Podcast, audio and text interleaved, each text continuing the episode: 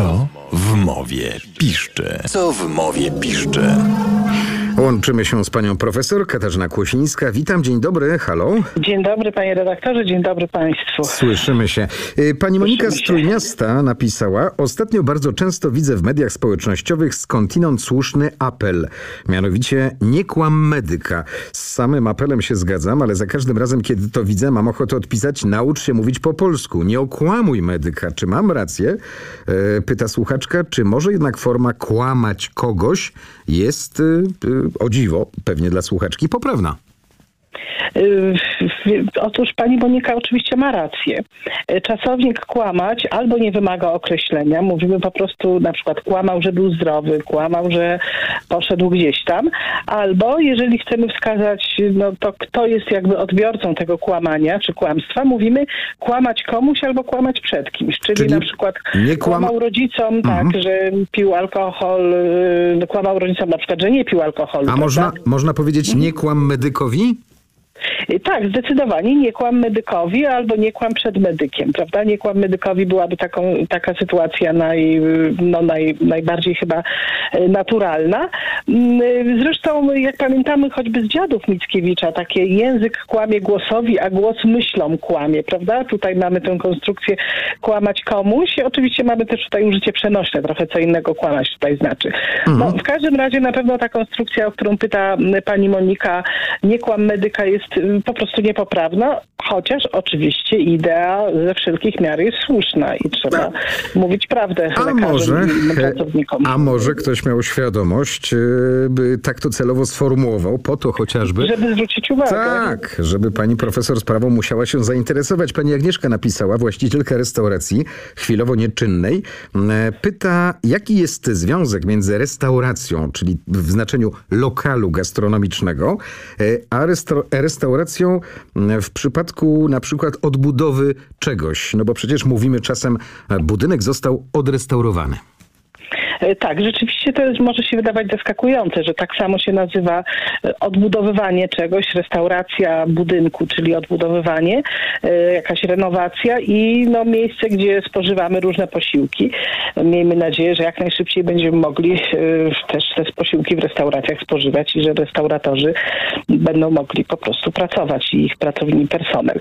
W każdym razie restauracja w obu tych znaczeniach pochodzi z języka francuskiego i myśmy te znaczenia tylko przejęli, czyli te procesy, o których za chwilkę powiem, no, na, na gruncie języka francuskiego się dokonały. I tak, na początku był czasownik restauré, czyli restaurować po polsku, który Francuzi zapożyczyli z łaciny, a który oznaczał i oznacza po prostu, tak jak wiemy, odbudowywać czy naprawiać coś. Jedną z form tego czasownika restauré jest restaurant i to jest tak zwany imię słów y, czynny, czyli my byśmy to oddali za pomocą, y, jakby inaczej mówiąc, to, to oznaczałoby tyle, co y, skoro tamten jest odbudować, to odbudowujący. I myśmy właśnie to y, restaurant oddali za pomocą restauracja i ponieważ właśnie to słowo restaurant oznacza tyle, co odbudowujący, naprawiający, to Francuzi nazwali w ten sposób i to bardzo dawno temu, bo było to w XVII wieku, po prostu potrawę, która tak działa odbudowująco na nasz y, organizm, czyli rosół. Czyli, Czyli- inaczej mówiąc, w XVII wieku Francuzi y, słowem restaurant, czyli odbudowujący, nazywali rosół.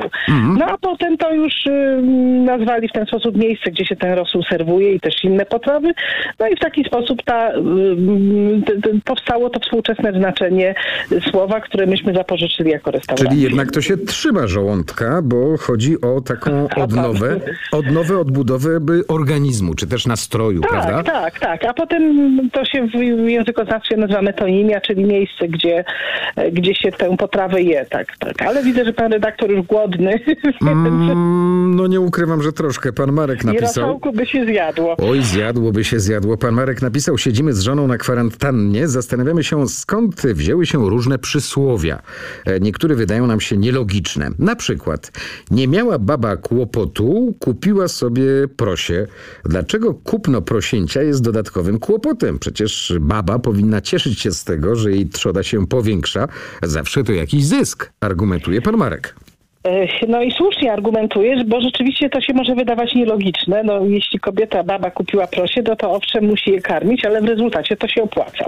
A jednak mówimy, nie miała baba kłopotu, kupiła sobie prosie wtedy, kiedy chcemy no właśnie skomentować sytuację, w której ktoś, no jakaś kobieta w tym wypadku, bierze na siebie jakieś dodatkowe obowiązki. No bo można sobie wyobrazić, że ktoś na przykład to prosie kupił do dużego pokoju i to prosie mieszka przy telewizorze. No i kłopot jest, prawda? To tak trochę jak z tą kozą w Tak. innej opowieści, ale nie, tutaj chodziło o coś innego. A mianowicie o to, że w pierwszej wersji tego y, przysłowia baba kupiła sobie nie prosie, tylko parszywe prosie. A. I to właśnie wszystko tłumaczy. Inaczej mówiąc, mówiono, nie, ma, nie miała baba kłopotu, kupiła sobie parszywe prosie. Zapewne jak kupowała, to nie wiedziała o tym, że ono jest parszywe, e, no ale potem się okazało właśnie parszywe, czyli chore.